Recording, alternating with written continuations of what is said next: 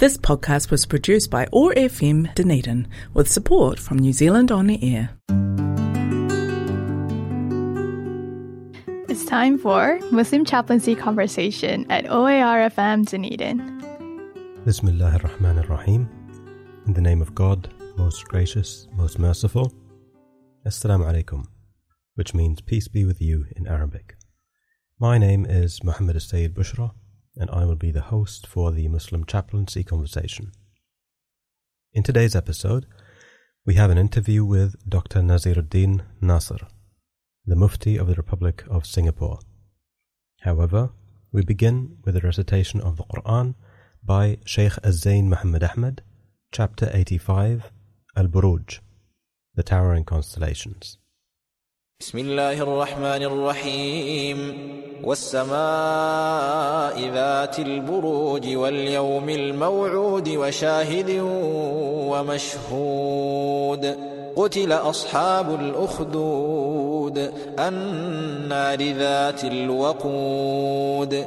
إذ هم عليها قعود وهم على ما يفعلون بالمؤمنين شهود وما نقموا منهم إلا أن يؤمنوا بالله العزيز الحميد الذي له ملك السماوات والأرض والله على كل شيء شهيد. إن الذين فتنوا المؤمنين والمؤمنات ثم لم يتوبوا فلهم عذاب جهنم ولهم عذاب الحريق. إن الذين آمنوا وعملوا الصالحات لهم جنات تجري من تحتها الأنهار ذلك الفوز الكبير. إن بطش ربك لشديد إنه هو يبدئ ويعيد. وهو الغفور الودود ذو العرش المجيد فعال لما يريد. هل أتاك حديث الجنود فرعون وثمود بل الذين كفروا في تكذيب؟ والله من ورائهم محيط. بل هو قرآن مجيد في لوح محفوظ Translation of the recited verses. In the name of God, most gracious, most merciful, by the sky with its towering constellations, by the promised day, by the witness and that which is witnessed. Damned were the makers of the trench, the makers of the fuel stoked fire. They sat down to watch what they were doing to the believers. Their only grievance against them was their faith in God, the mighty, the praiseworthy, to whom all control over the heavens and earth belongs. God is witness over all things. For those who persecute believing men and women, and do not repent afterwards, there will be the torment of hell and burning. But for those who believe and do good deeds, there will be the gardens graced with flowing streams. That is the great triumph. Your Lord's punishment is truly stern. It is He who brings people to life and will restore them to life again. And He is the most forgiving, the most loving, the glorious Lord of the throne. He does whatever He will. Have you not heard the stories of the forces of Pharaoh and Thamud? Yet still the disbelievers persist in denial. God surrounds them all. This is truly a glorious Quran, written on a preserved tablet. Now we listen to an Islamic song by Sami Yusuf entitled Make Me Strong.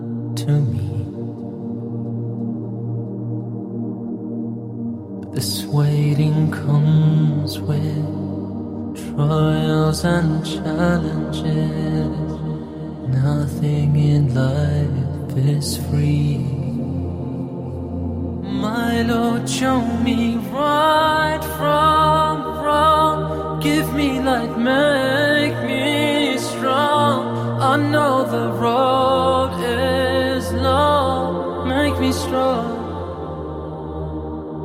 Sometimes it just gets too much.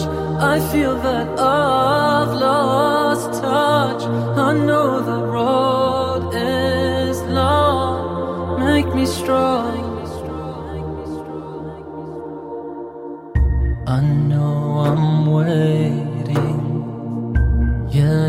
For something,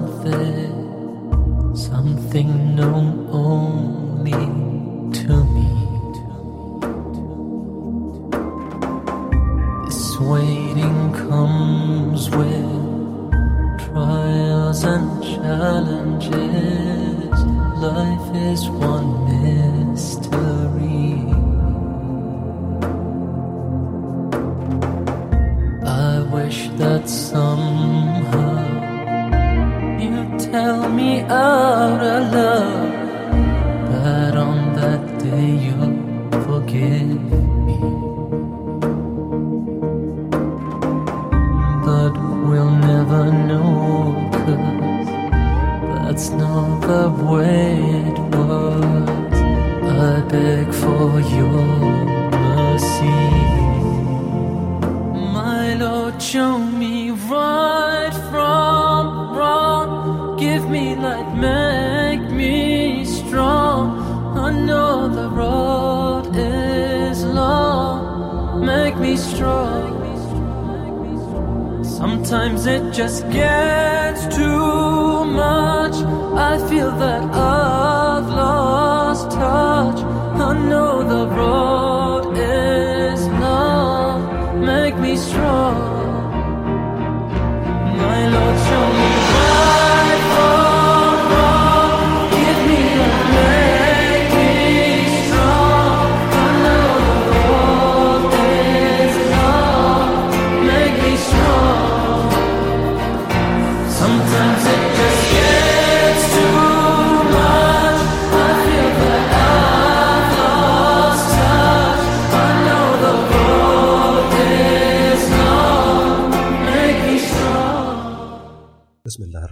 Bismillahirrahmanirrahim. Wassalatu wassalamu ala Rasulillah. Uh, my name is Muhammad Sayyid Bushra, and today we are here with a, another Muslim chaplaincy conversation.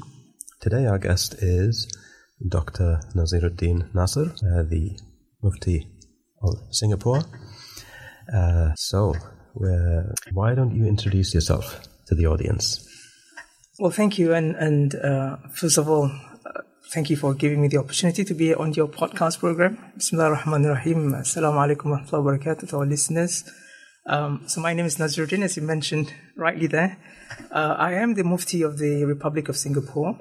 Um, I work with the Islamic Religious Council of Singapore. Um, probably our listeners are aware of the uh, the nature of the Muslim community in Singapore. We are around 600 to 800,000 people in a population of 5 million in Singapore, in a tiny island, um, which I think the size of which is not bigger than Lake uh, Taupo in the North Island in New Zealand. Um, and my work with the uh, Islamic Religious Council of Singapore uh, essentially is to lead uh, religious guidance and uh, formulation of religious policies. And we deal with very diverse uh, range of stakeholders from the Muslim community to the wider society, to the interfaith community, as well as to the government and a lot of other organizations and agencies um, in dealing with uh, matters relating to Islam and the administration of Islam in Singapore. Uh, Singapore is a secular country. Uh, however, we have a very unique relationship in terms of um, some official uh, duties as well as regulatory um, institutions. Uh, for example, in the administration of halal, halal food, um, administration of the Islamic law on marriage and divorce and inheritance, uh, collection of zakat, etc. So it's a little bit of a different arrangement if you compare with say, the system you have here in New Zealand and in other Muslim minorities. Um, so that's that's basically what I do. A lot of work in relation to uh, engaging the Muslim community and engaging the wider society on Islam. And as you know, there are a lot of challenges today, and you know those are the issues that really keep us very busy and occupied. Fantastic. Thank you for that. Uh, yes, and mo- most certainly we'll get into some more detail about all of this uh, in a moment. Uh, so, one thing I wanted to ask you before we proceed is what brings you to New Zealand? Um, the weather. We've had a very uh, nice and interesting weather uh, since we arrived, uh, and today it's a bit colder. And this this rain, I think this is the first time that it has rained since we arrived. I'm here essentially on the invitation of the Dunedin Abrahamic Interfaith Group um, to deliver the Otago Peace Lecture, the annual Peace Lecture. It was an invitation that I received, I think, uh, a couple of years back, and it was delayed because of COVID. So there were a lot of uh, discussions as to whether we should just do it um, virtually. But alhamdulillah, things became better in the early part of this year, and we could begin to organize a, um, a visit uh, to New Zealand and deliver the lecture um, physically, uh, live in front of an audience. That will happen tonight. But on top of the um, that particular lecture, uh, we have also um, participated in a couple of engagements and visits. Uh, we we arrived in Christchurch and visited An-Nur Mosque. We met with the survivors. That was a wonderful opportunity and experience.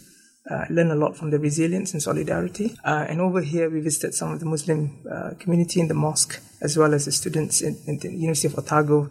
Um, so a lot of um, very interesting and insightful engagements with different members of the Muslim community and the wider society here in New Zealand. Fantastic. And uh, yeah, we are very happy to have you here. Thank and, you. Uh, we welcome you in Dunedin. So, before proceeding uh, with more about uh, your work and your uh, recent scholarship, uh, we wanted to go backwards a little bit uh, take a detour to your family background and growing up. So tell us a, bit, a little bit about where you grew up, uh, maybe something about your family, whether you have siblings. Right. Um, so I like like most Singaporeans, I think we have um, kind of a very interesting um, experience growing up. And I grew up in the uh, late seventies as a as a toddler and, and as a young boy in early 80s in Singapore. And at the time, I think a lot of, uh, I come from a, a mixed parentage. My father is um, Indian, my mother is Javanese from Indonesia, but all born Singaporeans. Um, so we have that mix of culture as well with our food, with our um, language. And at the time, a lot of the what we call the Malay Muslim community, the Muslim, Malay Muslim families, they would um, usually at the time, you know, come from the um, lower income sort of segment. So we lived in rental flats and we, you know, make our way up gradually. But the good thing is, um, everyone had the opportunity to get a good education in school. They were very well supported by teachers and schools, and that was a very important, empowering uh, experience uh, for you to sort of climb out of the low income, um, you know, um, cycle and um, have a good education and qualification that allows you then to get a good job in the future. Um, so I come from a small family with uh, there are five of us, um, two other siblings, my elder sister and my younger brother, and now I was the only one who was very interested in Islamic studies. Um, so we all went through national schools. We call national schools in Singapore. You do the norm- normal education. Um, I completed my secondary school um, up till the age of 16, where I did my GCE O levels. I'm not sure what they, uh, what's the comparison here in New Zealand. Uh, but because I, I also attended the part-time Islamic education um, in the masjid, in the mosque, and uh, over the weekends. And I became very interested in the Arabic language, Islamic studies. I took part in a lot of competitions in Singapore. They had at the time uh, Quranic competitions um, and also oratorical competitions. In other words, like you know, you you deliver lectures and it's a competition, see who wins. And, Yes. and I was very much involved, and the uh, my teachers, religious teachers, were very um, encouraging. Uh, they encouraged me to take part in this competition. So the interest grew, and and after my secondary school, I decided to go full time into Islamic studies. So what I did was, then I transferred into a madrasa. So in Singapore, we have uh, six full-time madrasas, um, and these are students who want to be trained in Islamic studies. um, at the end of the madrasa cycle, you would have the necessary qualifications to do Islamic studies in Middle East, uh, in Al Azhar University, in other countries in the Middle East. Um, so I went in, um, but because I didn't have um, sort of a background in full time Islamic education, was part time.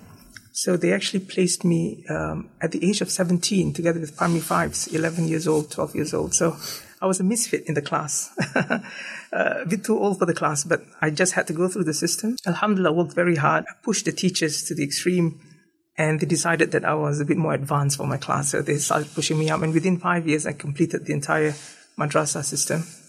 And that qualified me to continue studying in, in Egypt, uh, Al Azhar University, uh, on the scholarship of the Islamic Religious Council of Singapore. Um, and after I came back from Al Azhar University with a degree in Islamic law, um, I went back to the Islamic Religious Council to serve and, and work as an officer.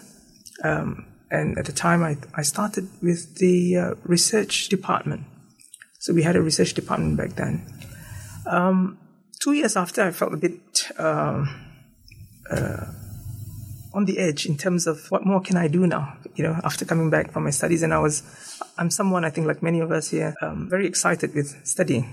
Yes. So just two years working, and I wanted to do my postgraduate, and I was very fortunate, alhamdulillah, to get a scholarship to uh, from the uh, British government, Chevening Scholarship, to do my postgraduate at the School of Oriental African Studies, International Comparative Law, and I came back again, and uh, just before I left, I got married, um, and when I came back, then we had a, a child, uh, a boy, and when he was three and a half years old, then we decided to go to the UK to do my PhD. So I did my master's and uh, one year qualifying master's with a PhD at the University of Oxford, Faculty of Theology, um, and I did comparative religion, particularly the Abrahamic religions.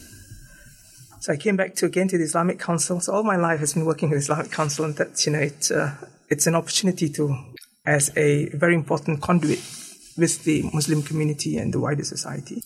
And um, uh, since I came back, I've you know done a couple of things with the Islamic Council, policy work, um, a lot of interreligious work, and I was appointed as a Mufti uh, in March 2020, just before the pandemic became a serious thing in Singapore. Uh, and um, well, we will talk about our work later on. Yeah, so that's that's quite probably a, a quick summary of what I've been through uh, at a personal level. Fantastic. Okay, thank you. Um,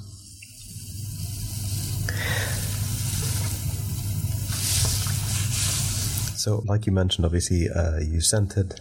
Um, I think that tends to be the case with anybody who ends up doing a PhD. You center your education as kind of the guiding line throughout your uh, career, and obviously how it links in with your professional work.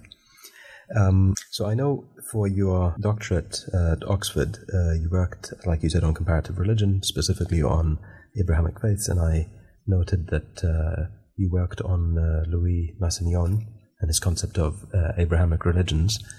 Uh, could you tell us perhaps a little bit, without may- maybe boring everybody with the details, but uh, uh yeah, uh, perhaps go into a little bit more about that, uh, your research, and, and what led you to it, and why do you think it's important?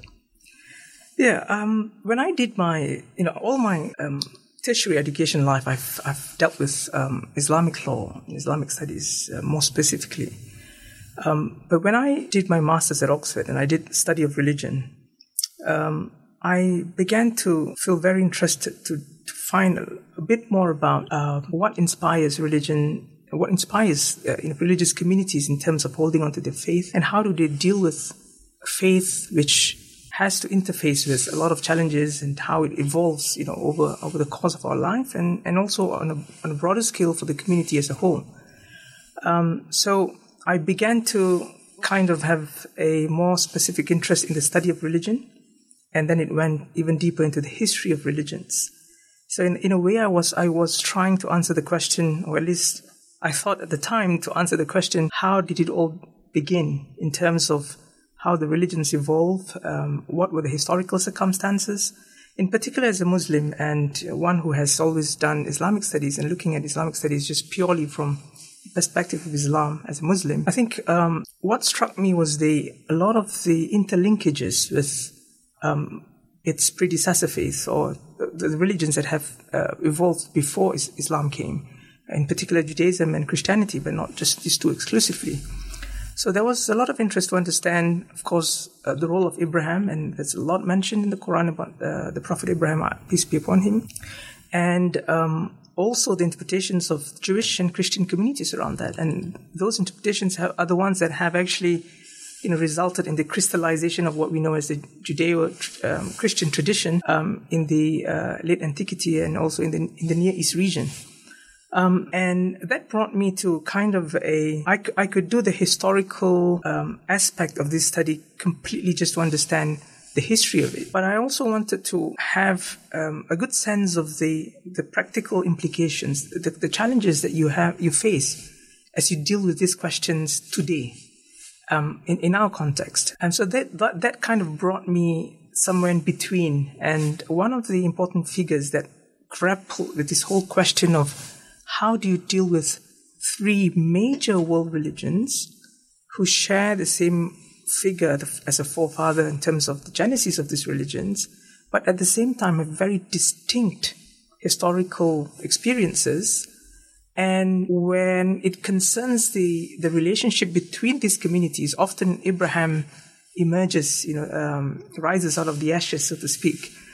Um, and that person was Louis Massignon, um, who was very enthralled by the idea of Abraham, very sympathetic to Islam, but had his own idiosyncratic idea of how uh, and what Abraham meant for this faith. So I thought, uh, and he he wrote a very um, that that really triggered uh, my interest to do a PhD um, purely on this subject because he wrote a very interesting um, actually not just one piece, but a series of writings on, on what, what were compiled, he compiled before he died, um, Les Trois Prières d'Abraham, so the three prayers of Abraham. Um, and, and he interpreted the prayers. Uh, the first prayer uh, for Isaac is on Judaism, um, and then also on Christianity, and then on Ishmael, uh, Nabi Ismail alayhi salam for Islam. So these were his meditations of what the prayers meant. So he he always, you know, um, um basically moved from past to present and to the future.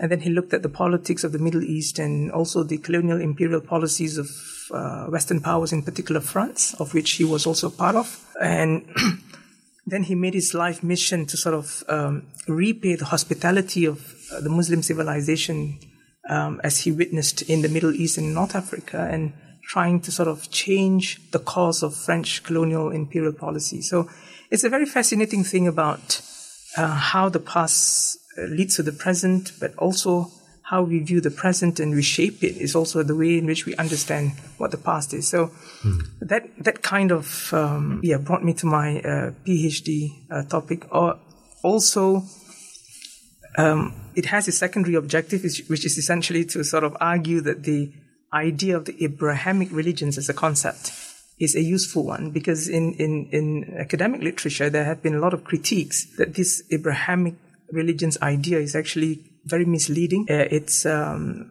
it's nebulous. It, it, means nothing because the three religions are speaking about different Abrahams, not the same Abraham. So there is that uh, kind of interpretation of, of the Abrahamic religions. And my research is essentially to defend the concept and prove its usefulness uh, for the study of the three religions in comparison, as well as to enhance our interreligious relations. So it's an, not, the project hasn't ended. I've just started something. Um, but in the course of my work, alhamdulillah, I've had a lot of opportunities to uh, approach different communities um, and also see how these ideas uh, could strengthen relations in, in the very difficult world that we live in today. Fantastic. Thank you so much.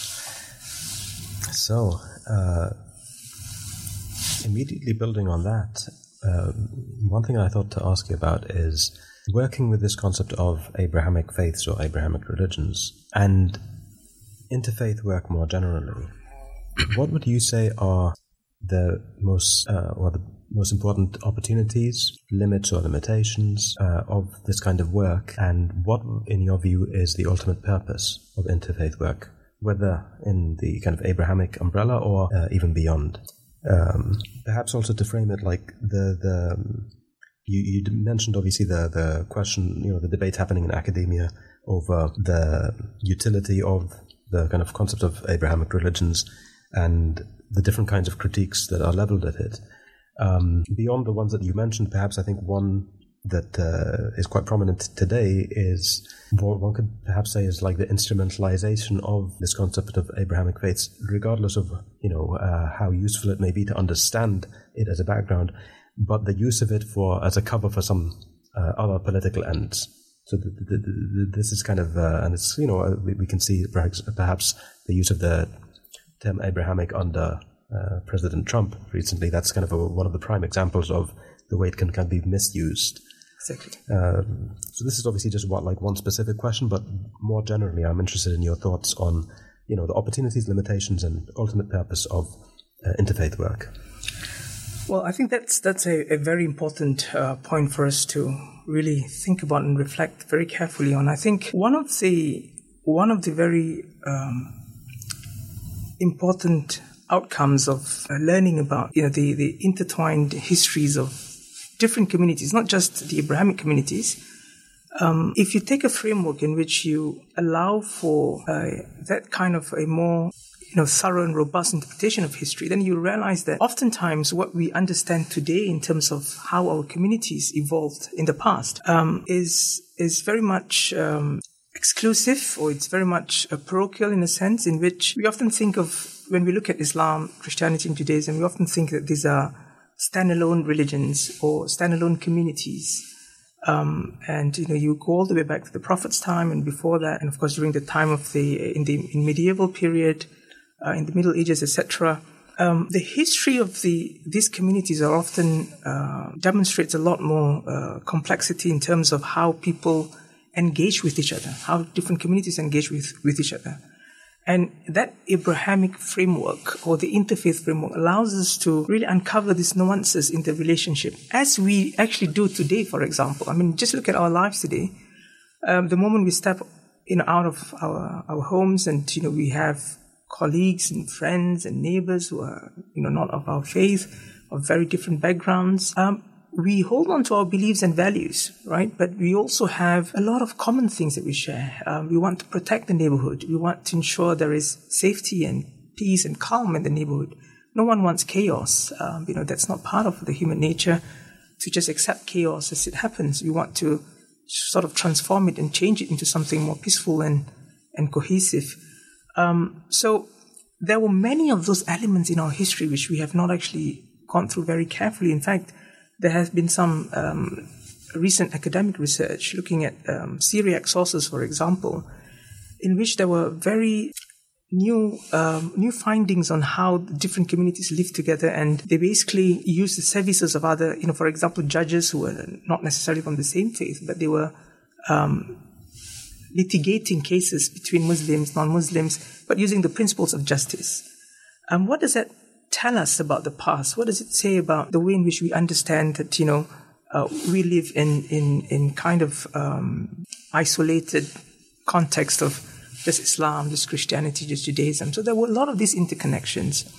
Um, and I think the, the, the usefulness of interfaith work is to help us learn about these similarities, but also the differences and to understand why there are these similarities and why there are differences. And I think it's only through um, rejecting ignorance about each other, as we do with all other things, um, to understand things better, that we are able to respect those differences.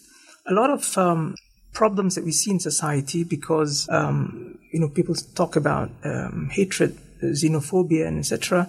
That happens because of um, you know a lack of awareness, a lack of a lot of ignorance in terms of why certain communities do certain practices.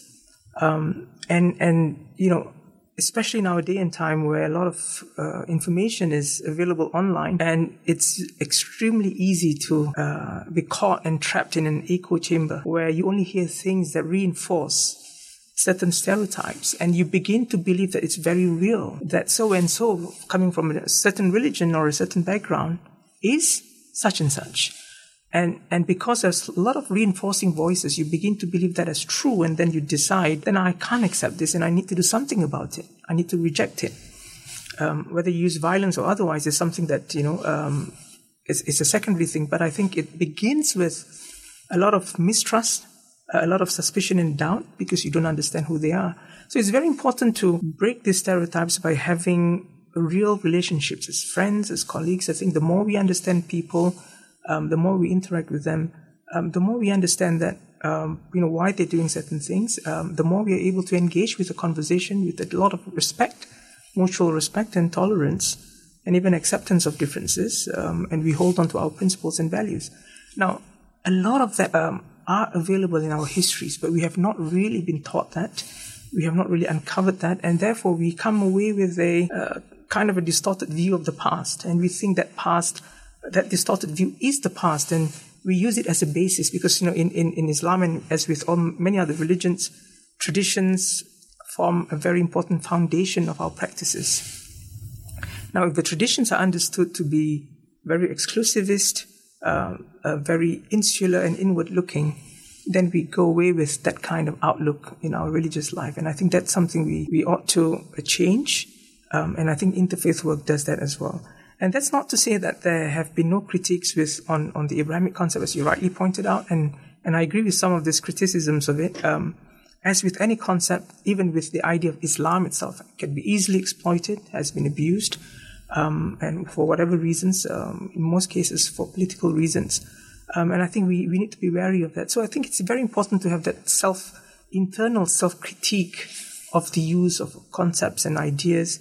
As with the Muslim community, I think um, the the understanding of the concept of the Sharia, which obviously you are very well aware of. Um, what does it mean in terms of um, not just the ahkam, the rules, the fiqh rulings, but the principles, the values, the objectives, the maqasid, and as we applied in our context today. And because there's a lack of a deep understanding, the Sharia is, is extremely, very deep, but extremely beautiful in its essence, in its core, as many of our um, scholars uh, would, would summarize the beauty and the purpose of the Sharia.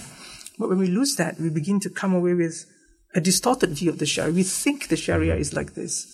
And then it begins to incapacitate our role and contribution in society. And we think, no, I can't do this because the Sharia tells me I can't do it. But that's not necessarily the case. Um, so, in the same way, I think uh, I look at interfaith and, and uh, the work of the Abrahamic faiths in terms of strengthening understanding um, and the confidence to share and discuss very openly what we believe on um, you know, uh, the narratives that we find in our scriptures, for example, and how we interpret them, which can be very different from other scriptures and other religions, but we can have a conversation around it with a lot of respect.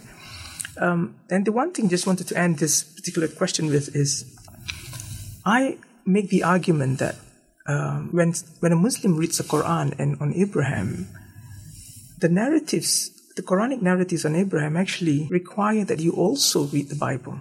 Hmm. Because it talks about what the Bible says. It talks about what the what, what the Old Testament says about Abraham. Um, it gives a different uh, reading to it, not completely, but uh, in some parts a different reading to it.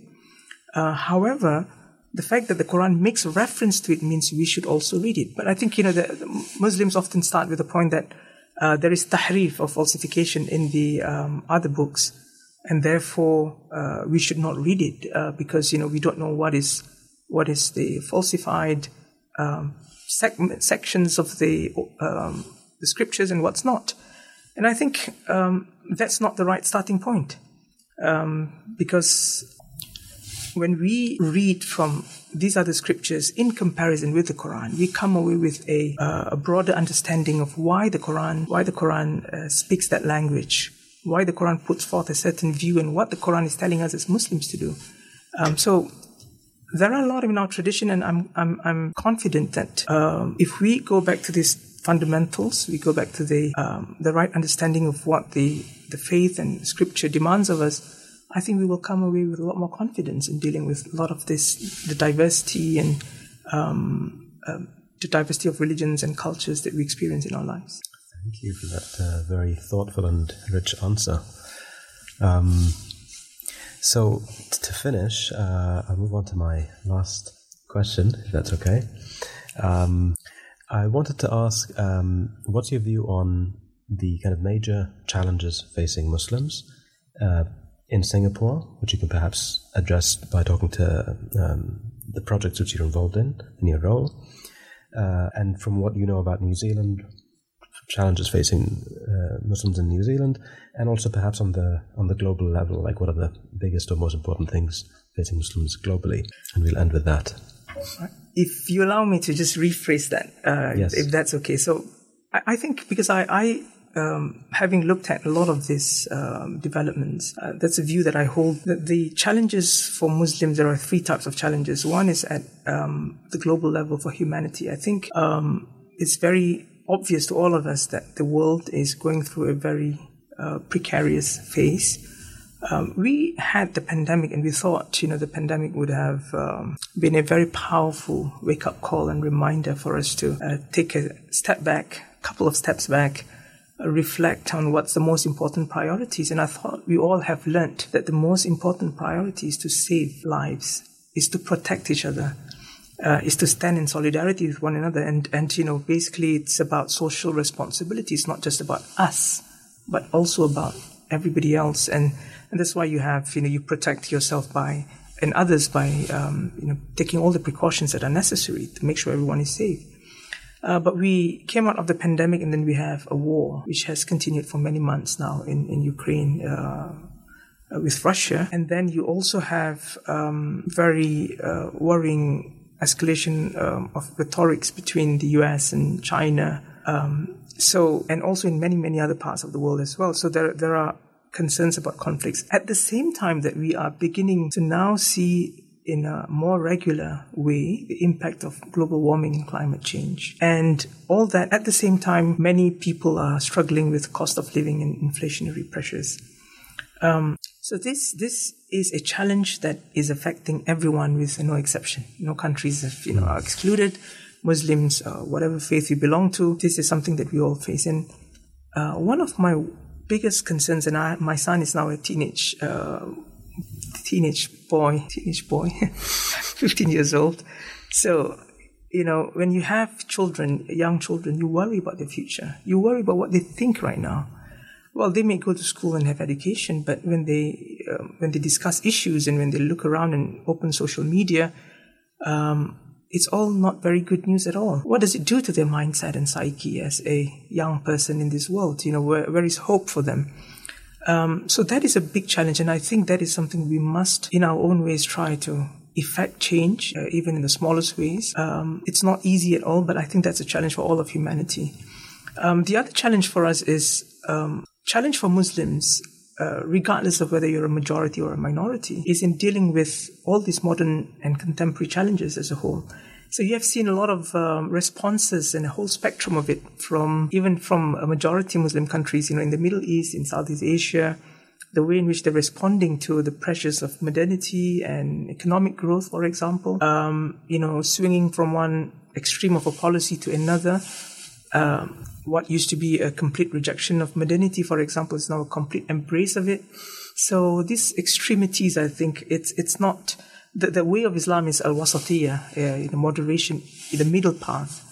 And that middle path has always been the path the Prophet has taught us. You miss that middle path, you often end up with um, serious consequences. It's a long-term thinking that's needed. But you know, again, um, I think there are some good examples of how they're trying to deal with it. Um, but by and large, as a whole, I think one of the tragedies of Islam, because of the way in which Muslims have, have, have thought or have not thought about it, is is to find with confidence their place in the modern world. Right. A constructive, positive engagement with the modern world. Not to just reject or embrace, but to have that conversation about how the modern world should be and how you know the lived reality should be like. Um, so we might be missing that, and that's why we're looking. We we, we are seeing a lot of uh, different kind of responses. And the third challenge is, of course, for Muslim minorities in Singapore, and New Zealand. Um, my short visit here, um, I think we do share a couple of um, similar challenges um, because our social context is very different. Um, as I've said, when we leave our homes, our society is very different. Our mosques are, you know, again, quite different. We don't hear the azan being said out loud or recited out loud.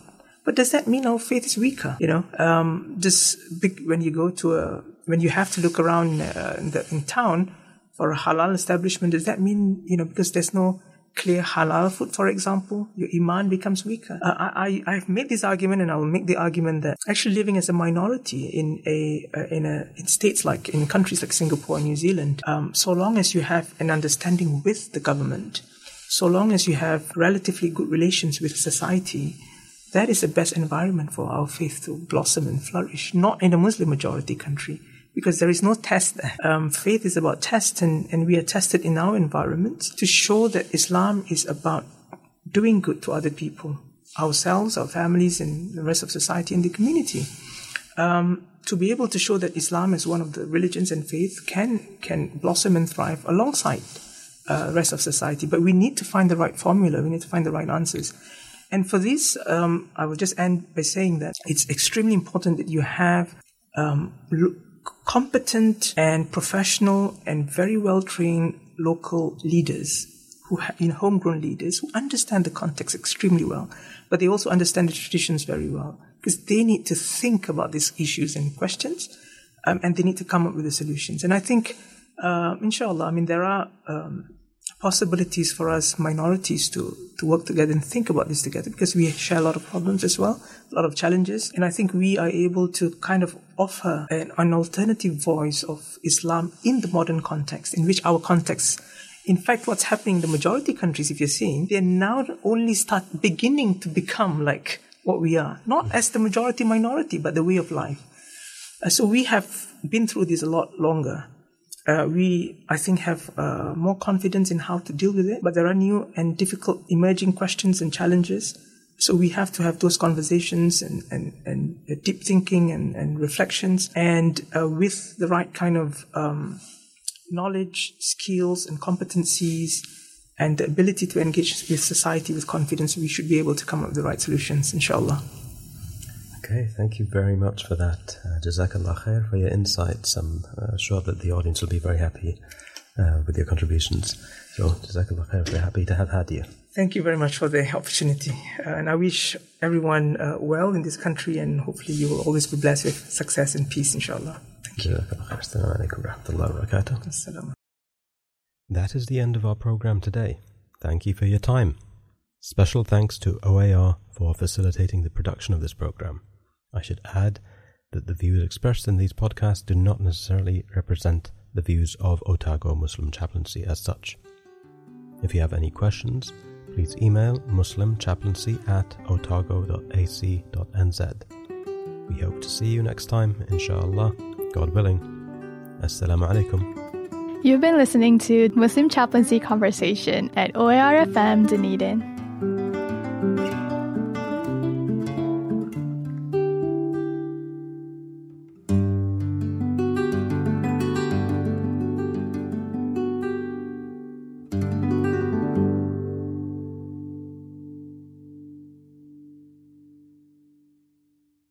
This podcast was produced by OAR FM Dunedin with support from New Zealand On Air.